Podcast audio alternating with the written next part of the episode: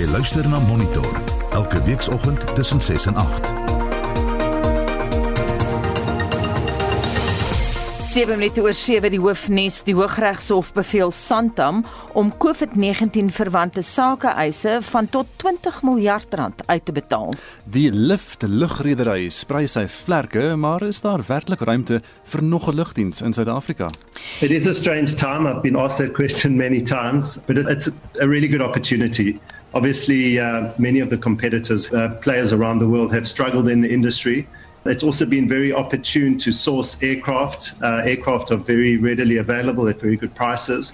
En beloftes maak skuld, so sê president Cyril Ramaphosa aan buitelandse beleggers. In our book now, what is clearly written is implementation, implementation, and implementation. The priorities that we are focused on now include a massive infrastructure build program, an employment stimulus plan to create and support jobs. Bly ingeskakel net hierna praat ons verder hieroor. Baie welkom by Monitor. My naam is Anita Visser. En ek is Gustaf Greiling. Dis nou 12 minute oor 7 uur by Monitor op RSG. Die leiers van die Enlightened Christian Gatherings Kerk, Shepherd en Mary Bushiri, se uitleweringsproses kan nog maande en dalk jare duur. Al het die voorvlugtende egpaar hulle self gister aan die polisie in Malawi oorgegee. Die egpaar is in hegtenis geneem nadat Interpol in Suid-Afrika 'n internasionale rooi nota vir hulle inhegtenisneming uitgereik het. Die Bushiris het hulle borgtog voorwaardes oortree deur verlede week uit Suid-Afrika na Malawi te vlug. Hulle staan in Suid-Afrika tereg op aanklagte van bedrog, diefstal en geldwasery ter waarde van meer as 'n miljoen rand. Lila Magnus doen verslag. Shepard Bushiri en sy vrou Mary het in 'n verklaring gesê hulle vertrou die regstelsel in Malawi, hulle geboorteland, en glo die land se grondwet sal hulle beskerm. Die egpaar is kort na hulle hulself aan die polisie in Malawi oorgegee het in hegtenis geneem. Hul prokureur Terrence Baloyi sê die egpaar se besluit om hul borgtogvoorwaardes te verbreek en te vlug was 'n menslike besluit. He believes that he should be treated just like ordinary human being. His constitutional right must be respected. Where it doesn't get uh, to be respected, he's left with no choice but to seek means in which now justice can prevail over him or over the allegations that are leveled against him. If it means taking the law into his own hands, so be it. But for him and for his constitutional right to be trampled underfoot as it has been happening throughout three years that we've been fighting for his constitutional right to be respected, is not on. And it's something which now we reach a point where he could not tolerate anymore, but to find refuge in the, in, in, by being in Malawi. 'n Voormalige kaptein by Interpol in Suid-Afrika wat anoniem wou bly, sê die Bushiris is in hegtenis geneem vir uitlewering na Suid-Afrika. Maar voor dit kan gebeur, moet 'n regsproses in Malawi eers afgehandel word. Die egpaar moet daar in die hof verskyn en kan aansoek doen vir borgtog. Hulle het ook die reg om die uitlewering teen te staan en tydens die proses getuies te roep. Die hof moet dan 'n beslissing maak. Volgens die voormalige kaptein moet die minister van Justisie of die president in Malawi na die uitspraak van die hof besluit of die egpaar uitgelewer gaan word of nie. Die hele proses en die groot hoeveelheid administratiewe rondslomp kan glo op die kortste etlike maande duur. Baloy het gesê hy is nie verbaas oor die Bashiri se oorgawe nie omdat dit als volgens hulle plan verloop it's part of the process. Uh, I know about it. We're taking a process as it unfolds, and we're doing what is necessary within our legal capacity. We're sticking to our initial and original plan. Hy het benadruk dat die Bashiris baie respek vir die reg het en slegs die wet oortree het deur hul borgtog voorwaardes te verbreek omdat hulle gevoel het hulle het nie 'n ander keuse nie. is uh, just a human being just like me and you. We reach a certain point or certain level where we feel that some of the things we can't take it anymore. We just need what we have to do within our means to do what is best for our life, particularly with regard to the fact that if uh, this life is in danger, this life is threatened. Baloy sê Bushiri sal na Suid-Afrika terugkeer wanneer hy glo hy 'n regverdige verhoor in Suid-Afrika gaan kry. Bushiri het ook in sy verklaring erken hy en sy vrou het elk 5 Malawi paspoorte. Hy sê egter die paspoorte het verval, maar het steeds geldige oorseese visums in en daarom het hulle die paspoorte gehou. Nebushiri of Baloy wou lig werp oor hoe die pastoor uit die land gesmokkel is nie. Maar die leier van die beweging teen mishandeling in kerke, Solomon Izang Ashoms, reken hy weet wat gebeur het. From my sources, you know, in South Africa and outside of South Africa, remember I was the first person to actually publicly put the fact that he he has left South Africa. That was on Friday evening. You know, everybody only got to know about that and got to confirm on Saturday. So I, I have some sort of sources, you know, that brings information to me. And from my sources, how he left South Africa, he, he, he left South Africa, you know, through the roads, uh, through the borders, not the legit borders, but he was he hired a syndicate uh, a car trafficking syndicate. Die FAK het aangedui hulle gaan vandag op Bashiri se luxe huis in Centurion Pretoria beslag lê as hy nie in die land is nie.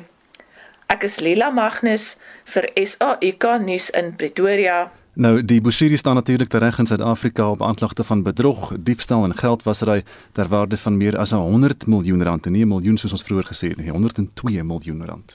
Frankryk het homself weer eens verbind tot 'n belofte wat einde verlede jaar gemaak is, naamlik beleggings ter waarde van 20 miljard rand in Suid-Afrika oor die volgende 5 jaar. Ons praat ver oggend hiermee uh, of hieroor liewer met die Franse ambassadeur in Pretoria, Aurélien Le Chevalier. Bonjour monsieur ambassadeur.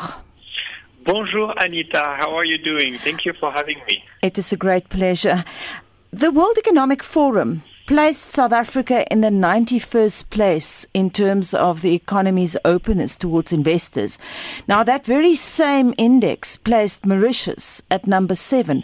Why on earth do the French want to invest in South Africa?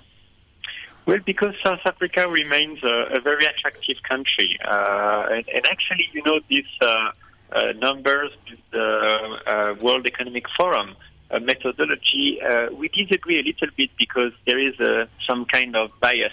They don't take into account the higher education systems, for example, or the healthcare system and both are, are quite good in, in South Africa.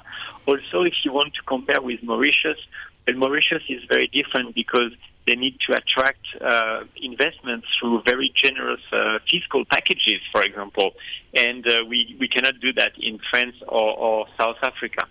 So it, it's true that, I mean, it's interesting and important to look at these numbers, but what we see is that there is an effort and a dynamic to attract investments in South Africa, and we want to be a part of it, and the, the French economic presence is, is already big here and we want to expand it.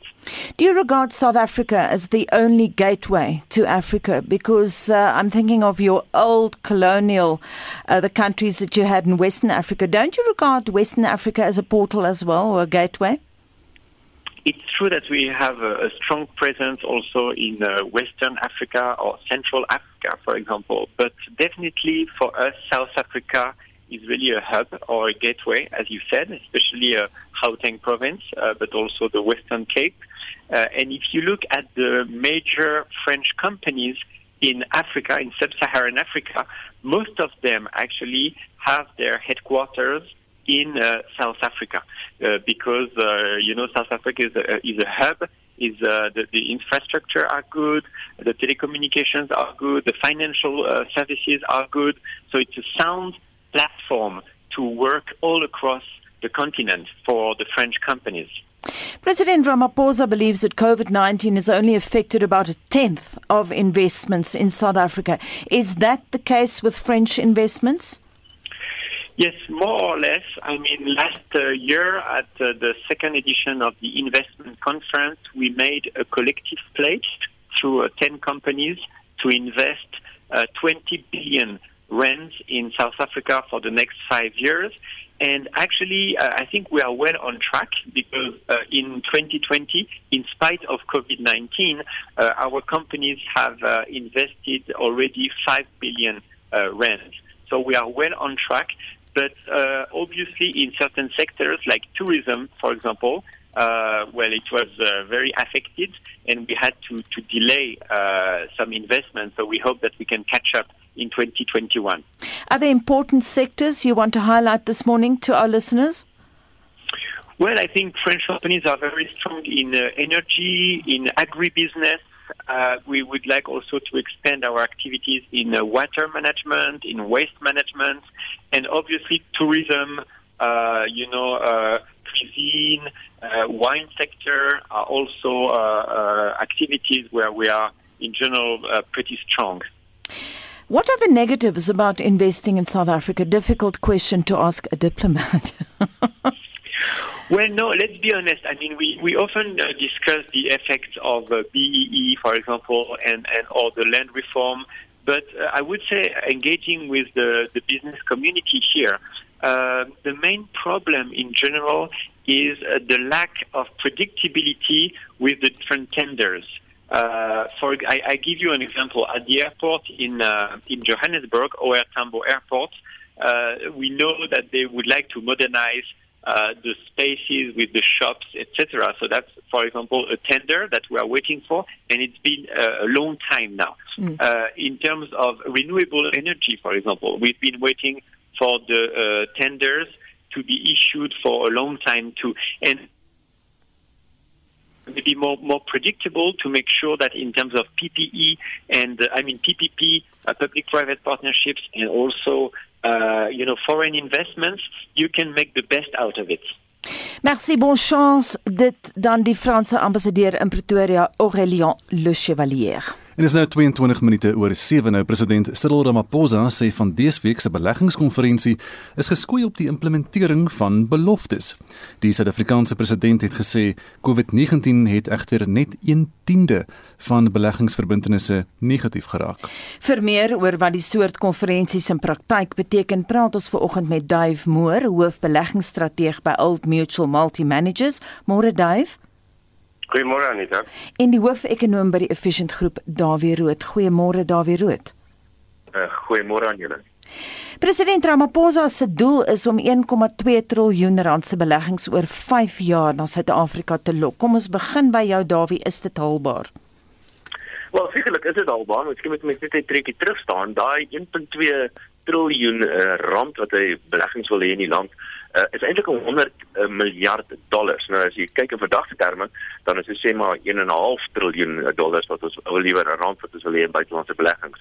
Ek dink wat belangrik is wat mense hier onderskeid moet tref, uh, ek dink die idee was natuurlik geweest om meer nuwe beleggings na Suid-Afrika toe aan te lok en baie van die beleggings wat ons nou weet, ons gister oor gepraat het, is eintlik beleggings wat in 'n geval te plaas gevind het of hoe die president nou hierdie konferensie gehou het al dan nie. So ek dink mense moet 'n onderskeid tref tussen hierdie twee hierdie twee tipe van beleggings. Maar as ons praat net van nuwe beleggings in Suid-Afrika, dan is ek bevrees dink ek gaan dit nie baie maklik wees nie. En een van die redes hoekom ek dit sê, is omdat ons net van jaar, hierdie jaar, van die begin van die jaar af tot vandag toe, het ons 200 miljard rand se buitelandse beleggings in Suid-Afrika reeds verloor net deur die aandelebeurs en net deur die kapitaalmark. So ek is bevrees om te praat van sê net maar 1.5 triljoen rand nuwe randbeleggings in Suid-Afrika uit die buiteland. Dit is waarskynlik gaan baie moeilik wees om te behaal. Dave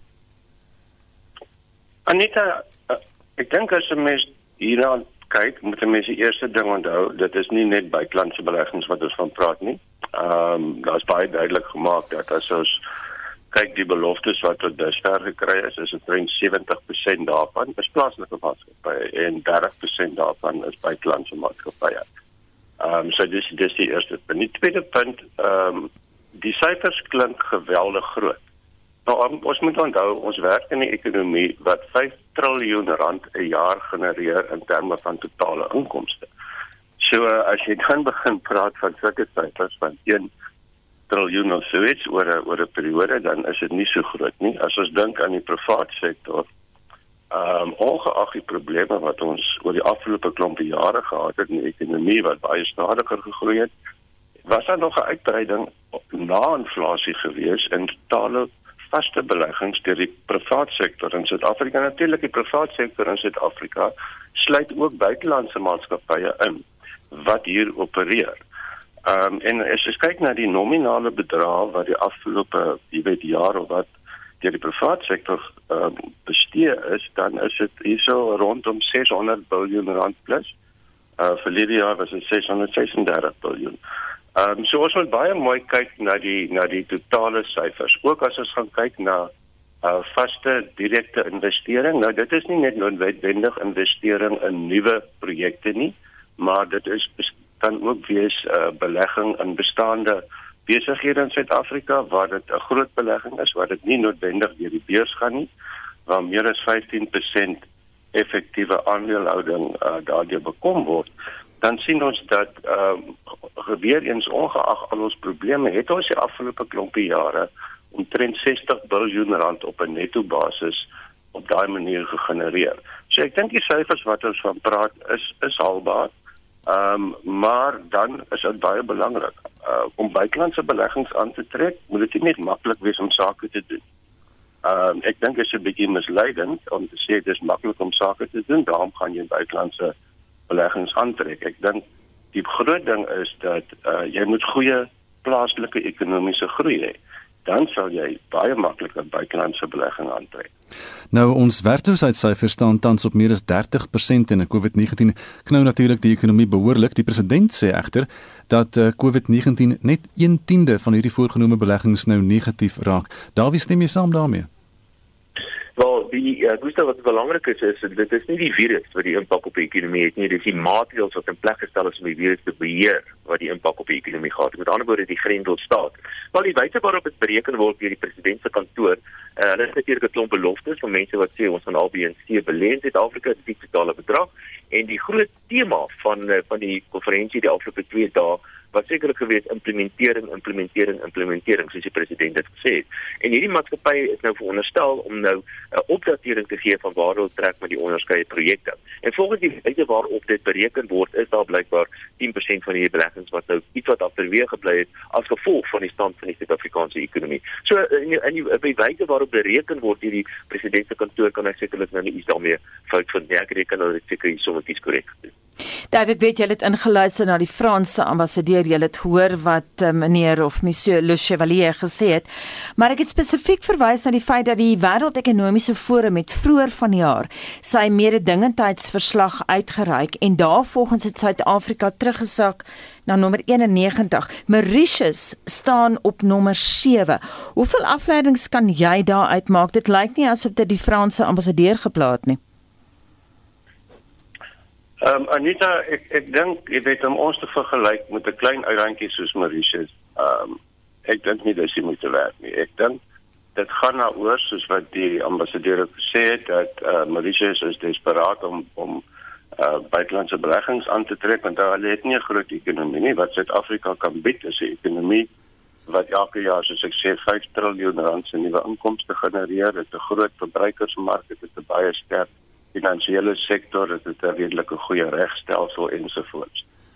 Daai goed maak jou almal aantreklik. As ons praat van buitelandse mededinge, dan weet ons as ons kyk na Suid-Afrika na ons vervaardigingsbedryf en wat gebeur het oor die afgelope jare en ons kyk na ons betalingsbalans, dan dan weet ons baie duidelik Suid-Afrika is nie mededinge. So so dis niks nie. Ek dink as ons praat van buitelandse beleggings aantrek, moet ons kyk waar ons vandag staan wat se ekonomiese beleid ons implementeer en ek dink die belangrike ding soos almal sê dit gaan oor die implementering maar ook die aard van die beleid. Ek dink die staat moet minder probeer voorskryf vir die private sektor wat hulle moet doen en eerder ruimte skep vir die private sektor om te doen. En onder daardie omstandighede as ons ekonomiese groei kan verbeter um, ons het nog altyd geskikkundig baie goeie opbrengs op kapitaalgebied in terme van beleggingsprojekte in Suid-Afrika. As kan maar net kyk na die aandelebeurs, die sektore se winsgewendheid relatief tot hulle ewe knie internasionaal was nog altyd goed. So ek dink ons het 'n goeie basis om uh, buitelandse kapitaal aan te trek as ons net die regte beleid kan implementeer um, en die resultate daarvan begin sien wat vertroue sal laat verbeter. En Davie, hoe voel jy daaroor? Is Suid-Afrika beleggingsvriendelik genoeg? Maar duidelik dat jy heeltemal reg en dit is die die regte beleid wat ons moet implementeer. En as ons luister na die beleid en luister na die ekonomiese planne van die president byvoorbeeld, is dit is dit uh, vol teenstrydighede. Daar's baie teenstrydighede. So byvoorbeeld, uh, dit is is so pas en dit is deel van die openingsgesprek ehm um, toespraak van die president gewees. In een enkele paragraaf praat hy van die onteiening van privaat eiendom en terselfdertyd in dieselfde paragraaf praat hy van die beskerming van pri privaat eiendomsreg. Nou hierdie twee teenstrydighede kan mens net eenvoudig nie in 'n beleid. Dis nie deel van 'n beleid nie. Verder is daar ook heelwat ander probleme met die president se eie ekonomiese plan het. Byvoorbeeld, daar word gepraat van die ont ontslaa raak van van 'n uh, rondslom of sogenaamde red tape. Ons praat van Suid-Afrika se maatskappy wat internasionaal kompeterend moet word. Maar terselfdertyd praat ons van 'n uh, invoer vervanging en terselfdertyd is daar allerlei reëls en regulasies wat ingestel word uh, wat sekere politieke en sosiale doelwitte wat bereik wat net eenvoudig die rondslomp gaan verhoog. Dis die tipe van teenstrydighede wat ons nou natuurlik moet aanspreek. En dan die grootste enkele probleem wat ons het is die oneffektiwiteit van die staat op verskeie vlakke. Die plaaslike owerhede is 'n sekere voorbeeld daarvan hoe kan ons nou beplan om al hierdie beleggings te doen as jy nie eers 'n behoorlike 'n plaaslike owerheid het waar jy kan gaan aanklop om sekere gewone probleme, besigheidsprobleme aan te spreek nie. So ek sou sê die werklike groot probleem in die land is eintlik maar net die teenstrydigheid van van die beleid van die regering en die effektiwiteit van die staat oor die algemeen. Dive net laastens, waar's die leemtes wat beleggers afskrik? Ek dink die leemtes is baie duidelik, ehm um, dat as ons kyk na ons ekonomiese groei die afgelope paar jare, het ons uitgesak na van die swakste in die wêreld. Ons is nie die heel swakste nie, daar's 'n paar soos hulle sê basketkeisers wat wat swakker is as Suid-Afrika. Ehm um, ek dink dit is ons een groot leemte en en ehm um, as ons wil vorentoe gaan is die ander groot leemte is ook die gebrek aan vertroue wat ons binnelands het. En hoe kan ons verwag dat buitelanders in Suid-Afrika sal belê as die binneland uh, binnelanders so laag vlak van vertroue het? Baie dankie Dave Moore, die hoofbeleggingsstrateeg by Old Mutual Multibestuurders en ook die hoofekonoom van die Efficient Groep, Dawie Rood. Jy luister na Monitor elke weekoggend tussen 6 en 8. Sopas half 8 en in die nuus na herhaalde uitstelle sal adjunk hoofregter Raymond Zondo na verwagting vanoggend sê of hy hom aan die staatskapingskommissie gaan onttrek. Drie Suid-Afrikaanse nasionale kriketspelers is in afsondering weens die koronavirus. Bly by ons. En dit ons luister eers na twee stemnotas uh, oor die gebeure by die SAIK en dan een oor die beleggingsvraag vanoggend.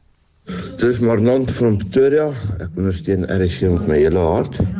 Maar ehm um, by die ander radiostasies ek sien nie regtig die nuus wat daar gebeur nie. Of wat gebeur by ander radiostasies? Hoe beïnvloed hierdie hele ding ons mense op grondvlak? Al die ander tale, al die ander 11 tale en net 'n bietjie daarop ook ingaan of ons bietjie meer inligting gee. Ai, môre sê, môre sê, dis David die van Grassy Park in die Weskaap.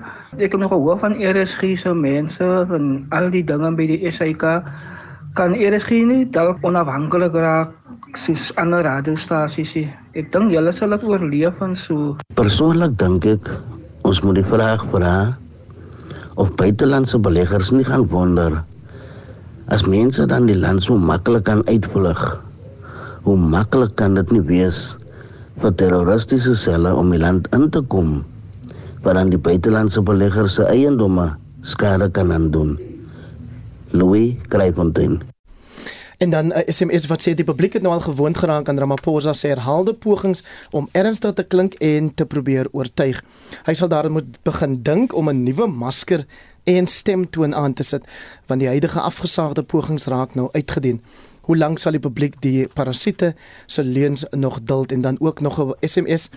Goeiemôre Hendrik, my naam is Egbert. Ek is 66 jaar oud en ek bly heeltemal alleen op 'n Karoo plaas. RSG se omroepers, Susan Paxton, Marietta Creer, Estie Gross, Vincent Mofokeng, Fritz Klaaste, Renske Jacobs, Martelies Brink, Johan Rademan, Anita Visser, Gustaf Greiling, Justin Kennedy en jy is my enigste huisgenote en geselskap as hierdie vrotsige ANC regering en sy rowerbende julle afdank en RSG sluit gaan hulle waaragtig oorlog kry. En dan 'n laaste een Anita dit kom van Reginald. Hy sê Anita your English is beautiful. En hier sit ek en ek is beïndruk met jou Frans.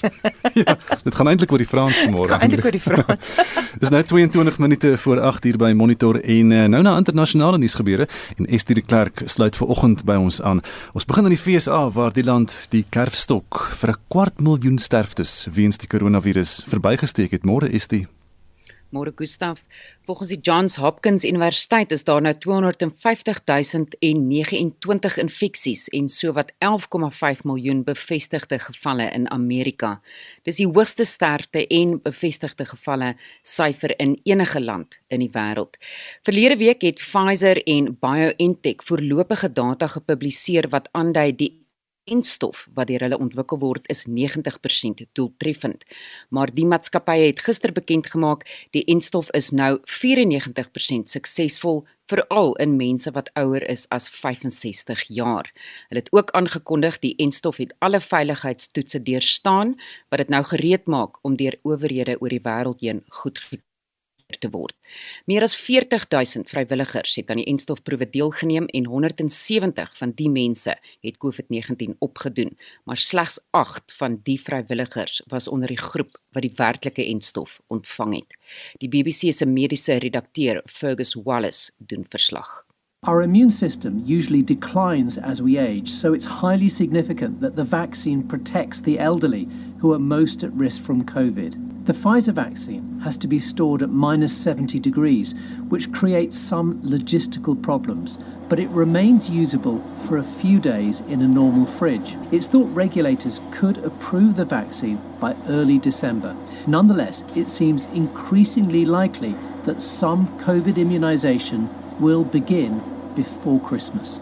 En dit was dan die BBC se mediese redakteur Fergus Wallace. En nou beweeg ons na 'n verslag wat deur die Australiese weermag bekend gemaak is wat aandui dat daar geloofwaardige bewyse is dat Australiese spesiale magte 39 burgerlikes, boere en gevangenes doodgemaak het tydens die Afghaanse konflik.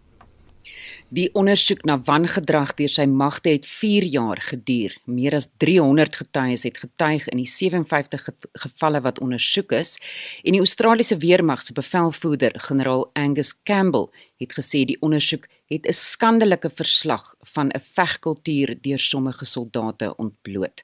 Campbell het die landsburgers van Afghanistan om verskoning gevra. To the people of Afghanistan, on behalf of the Australian Defence Force, I sincerely and unreservedly apologise for any wrongdoing by Australian soldiers. I've spoken directly with my Afghan counterpart, General Zia, to convey this message. Generaal Campbell het gesê die verslag het bevind daar was ernstige wangedrag en die verslag het ook beskryf dat geen van die gebeure in die hitte van die geveg plaasgevind het nie. These findings allege the most serious breaches of military conduct and professional values. The killing, the unlawful killing of civilians and prisoners is never acceptable. It's my duty and that of my fellow chiefs to set things right. It's alleged that some patrols took the law into their own hands. Rules were broken, stories concocted, lies told, and prisoners killed. Die BBC se korrespondent in Sydney, Shaima Khalil, sê die ondersoek sal moontlik lei na strafregtelike vervolgings.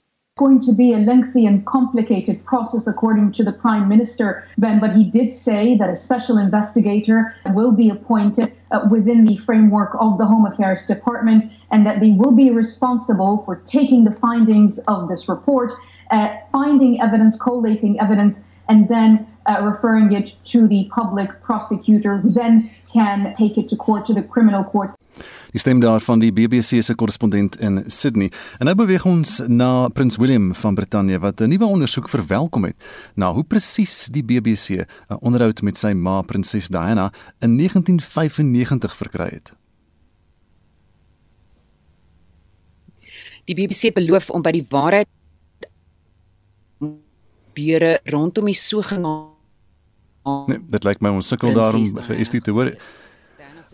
Eens deur die BBC se bank. Nee, ons kan nie vir Estie hoor nie. Ons gaan aan gaan baie dankie Estie Estie die klerk dan met vanoggend se wêreldnuus gebeure. En van internasionale nuus van internasionale nuus gebeure terug in Suid-Afrika. Santam het pas bloedneus in die Kaapse Hooggeregshof gekry voor 'n volbank van 3 regters.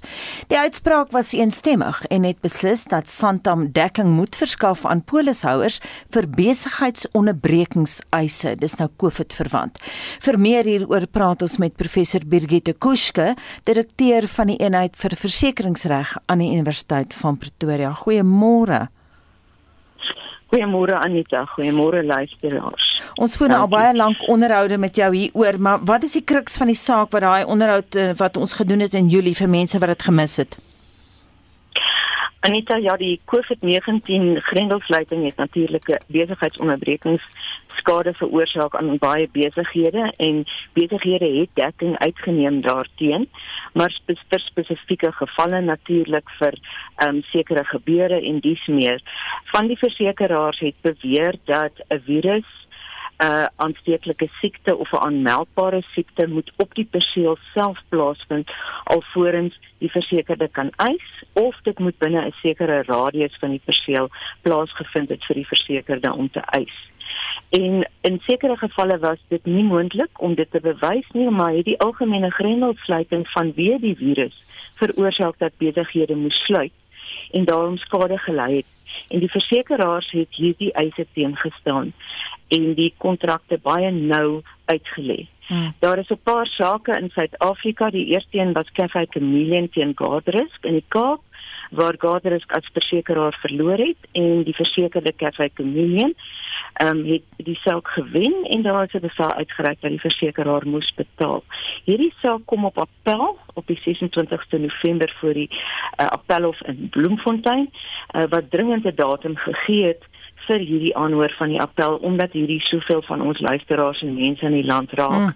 en hierdie saak kan nie vir 2 jaar uitgestel word nie. Absoluut. Nou, kortliks wat gebeur mm. wat gebeur het in hierdie saak maar Afrika is 'n hotelgroep en 'n restaurantgroep in Stellenbosch En ehm um, hier het Santam die standpunt gehuldig dat hulle kan nie 'n wêreldwye risiko vir uh, verseker nie.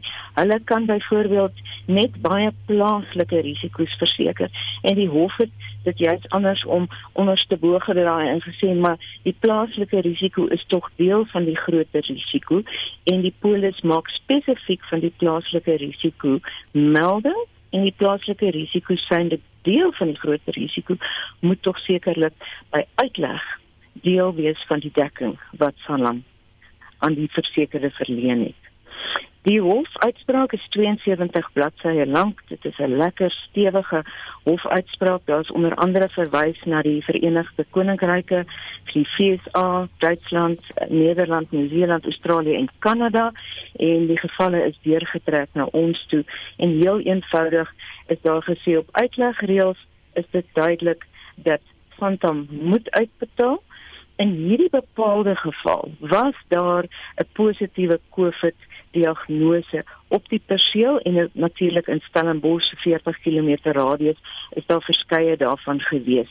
So dit was 'n bietjie makliker in hierdie geval om te bewys dat daar inderdaad gevalle was, maar ek het 'n positiewe gevoel vir instansies waar daar byvoorbeeld nie 'n baie eng of baie spesifieke risiko area klousule in die kontrak is nie ek, dat hulle ook sou slaag met eise. Ek moet sê Birgitte die hofsaak is baie vinnig afgehandel. Het die snelheid daarvan jou verbaas? Ehm um, hierdie uitspraak nie want die appelhof het gevra dat hierdie uitspraak gelewer moet word juis sodat hulle beide Cafe Chameleon versus Gardrisk en dan nou hierdie saak uh, maar Afrika teen Santam eintlik half gelyk kan aanhoor omdat die saak op die feite dieselfde is en die meriete is dieselfde.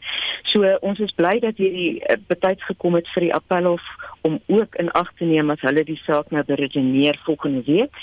In ehm um, die Verenigde Koninkryke is daar ook tans 'n appel in die 20ste en die 21ste in die howe daar en omdat ons hof soveel druk geplaas het op die op die plasing van die saak en op die rol by die appelhof en dat hulle soveel van die Verenigde Koninkryke se reg en wat daar gebeur het nou onlangs in hulle uitspraak opgeneem het.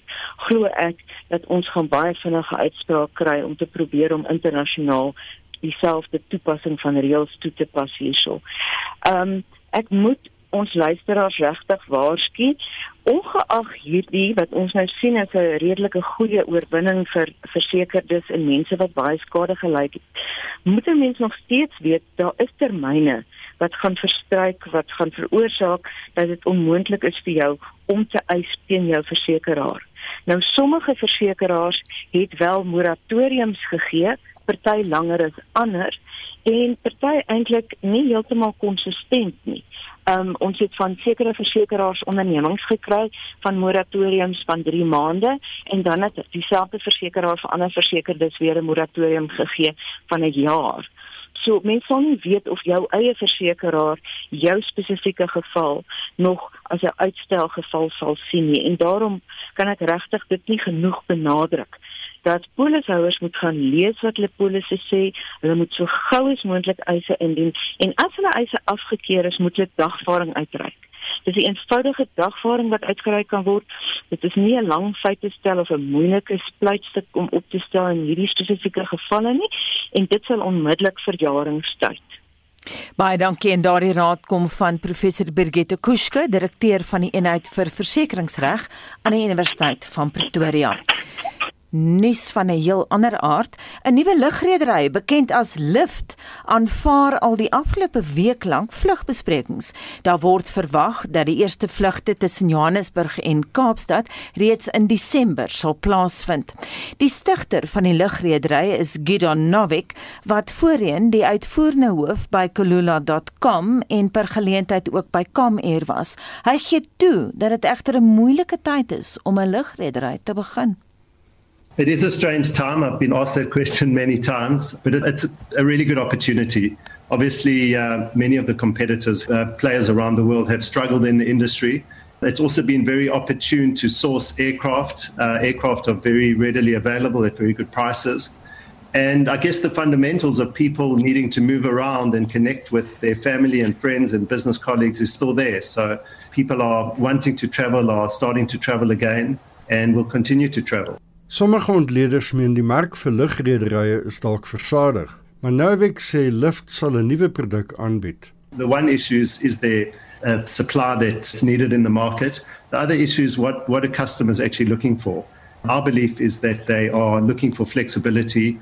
People are very uncertain about traveling, they're uncertain about their futures and uh, offering full flexibility is something that we found very important to people. So it's not just another player it's important that we compete and that we differentiate as well. In die praktyk beteken dit mense sal vlugte op baie kort kennisgewing kan verander of selfs kanselleer. Just within 24 hours tickets can be changed, they can be cancelled, they can be changed multiple times if needs be.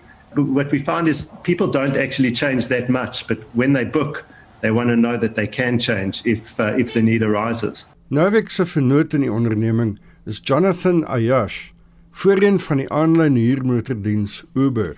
Yeah, I think um, every industry kind of goes through cycles and consumer needs change. Uber was a classic example of really, you know, disrupting an existing industry and being extremely mindful and focused on the on the customer journey. And that's why having Jonathan Ayash on the team and, and driving the project, having come from Uber, has been, you know, really fascinating just to see all the points of the of the journey, the customer journey that that can be assessed and addressed. Novik Selo, een oog op die toerisme mark. Yeah, so Cape Town, Joburg, Joburg, George, those are two routes. Our focus is going to be the Joburg Cape Town route. That is one of the busiest routes in the world, actually. It's the 12th busiest route in the world. Cape Town's obviously a tourism hub in South Africa, and we very bullish and optimistic about tourism in South Africa. We have the most beautiful tourism options and uh, foreigners will come back and and locals are now discovering what a beautiful country we have and are, are starting to explore their own country. En daar is ook geen twyfel dat die lugredery se Nooiensvlug op 10 Desember soos beplan sal opstyg nie. It's cast in stone. It's uh, it will be on our website tomorrow. Um, bookings will be open. And uh, we have three Airbus A320 aircraft. As you mentioned, they're operated by Global Aviation. They're an incredible uh, operator and uh, and we'll be up and running on the 10th. Dit was Gideon Novik, die stigter van die nuwe lugredery Lift. Ek is Hendrik Martin vir SAK nuus. 7 minute voor 8 en ons bly by die onderwerp en praat nou met 'n onafhanklike lugvaart-ekonoom Dr. Joachim Vermoten. Joachim, goeiemôre. Uh, Goeiemôre, hoe gaan dit? Baie goed, dankie. Jy het nou gehoor daar hoe Novik hulle winsgewendheid daar ontleed het. Kom ons kyk eers na die hele idee om vinnige besprekings en kansellasies toe te laat. Is dit iets wat die reisigers soek en wat haalbaar is? Nou, dit is uh, gewoonlik een van die meganismes wat gebruik word om die tariewe van uh, lugdienste te onderskei. En normaalweg is 'n uh, volledige uh, uh, uh, kaartjie uh, een van die dienskaartjies wat beskikbaar is. So dis 'n interessante benadering om juis in die duurste segment eintlik uh, uh, toe te tree. En dan natuurlik die toerisme mark. Is dit realisties? sien ons 'n toename in toerisme veral uit die buiteland in die toekoms nou na die pandemie? Ja, die pandemie is nog nie oor nie en hmm. die buitelandse toerisme gaan baie laag wees vir 'n geruime tyd. Ja, te vir uh, vooruitskat dat volgende jaar uh, dit maar iets is 30% van die 2009 2019 vlakke sal wees. So dit is nog op 'n baie lae vlak. Maar die voordeel as jy 'n kleiner uh, uh entiteit uh, bestuur is jy is baie meer uh, buigsaam en kan vinniger reageer op uh, mark uh, uh, veranderinge uh, terwyl as jy groot is en jy het jy beskiklik nie genoegsame inkomste of uh, passasiersgetalle nie dan maak jy groot verliese En as 'n mens kyk na hierdie bedryf in Suid-Afrika, dan uh, laat die lot van ander rederye natuurlik soos SAL mens terugduins ook uh, Kulula wat moes in sakereding gaan en nou eers in Desember weer gaan begin vlieg. Is daar hoegenaamd plek vir 'n nuwe lugdiens in die land? Wel, ek sou definitief uh, dink daar is nie 'n beperking op die aantal lugdienste nie. Die groot probleem is gewoonlik die hoeveelheid kapasiteit wat uh, uh, vrygestel word in die binnelandse mark en gewoonlik was dit die probleem van die staatsrederye. Eh uh, wat wel 'n probleem is op die oomblik is dat Mango het nog nie sy aktiwiteite herstruktureer nie. Soos wat jy eh uh, weet eh uh, of soos wat ek nou nou genoem het eh uh, ja, te vooruitskat dat die passasiersgetalle 30% van 2019 gaan wees. Hmm. Ehm um, maar Mango het nog nie van sy vlugte ontslaag geraak nie. So uh jy weet uh, daar is addisionele koste van die verhuuring van daardie uh, uh vliegtuie en natuurlik op die uiteinde kan die uh, Suid-Afrikaanse belastingbetaler uh vir die oortollige kapasiteit uh, betaal. Hmm. Uh te aan daardie kant moet definitief iets gebeur. Hulle plan om dit te tree aan die uh, George Marcus baie interessant want die ja. George daar het uh, is baie baie hoog op die oomblik en ek dink ons het meer mededinge nodig om tariewe af te druk. So ja. En nou werk natuurlik maak staat daarop dat die ekonomie in die langer termyn gaan verbeter. Wat as dit nie gebeur nie? Wel, ek is seker dit sal verbeter, jy weet, maar uh, dit sal 'n geruime tyd vat. So daar's baie sieninge, jy weet, oor die tipe van profiel van ekonomiese herstel. Hmm. Uh aanvanklik het almal gedink dit is 'n vier uh ehm so uh uh jy weet die ja, die pixel like disappear. Mm. Maar uh op die oomblik is die gedagte dat dit meer soos 'n i is en dan op 'n laer vlak sal voortduur vir 'n langer periode van sê maar 3 tot 4 jaar voordat hy dieselfde gradiënt van groei kry wat in die verlede was. Joachim Baai, dankie die onafhanklike lugvaart-ekonoom Dr. Joachim Vermoten. Hendrik, kan jy my hoor? er is nog 'n paar um, terugvoer en dit gaan spesifiek oor die gebeure hier by die SAIK. Een luisteraar wat sê er is geen los die stasie uit want seker SAIK want die een want die een is nommer 1 ek luister dwars deur die nag en dag so weet ek wat in die land gebeur die ANC wil als opmors en dit kom van Katrina van die Noord-Kaap. Ek stem saam sê Marlene van Centurion. Ek is 71 en RSG is ook my geselskap bedag dat ek nou so iets op my ou dag moet beleef. En 'n ander luisteraar wat reken as daar iets moet is dit 7 en aan die op aarde met breinselle. Kyk nog daai snap. RSG bied iets vir almal. Meeste van ons inligting van belang en 7 en aan met sy vlakheid bied niks net 'n klomp gepleisterde uitdrukkingslose gesigte. En op daardie noot kom ons aan die einde van vanoggend se monitor. Ons regisseur, ons uitvoerende regisseur Wessel Pretorius, ons redakteur vanoggend Hendrik Martin, produksieregisseur Lewona Bekes. Bly by RSG praat saam is volgende met Lenet Fransis Spuren. Ek is Gustaf Vreiling en my naam is Anita Visser. En ons is môreoggend om 6uur terug. Hoopelik.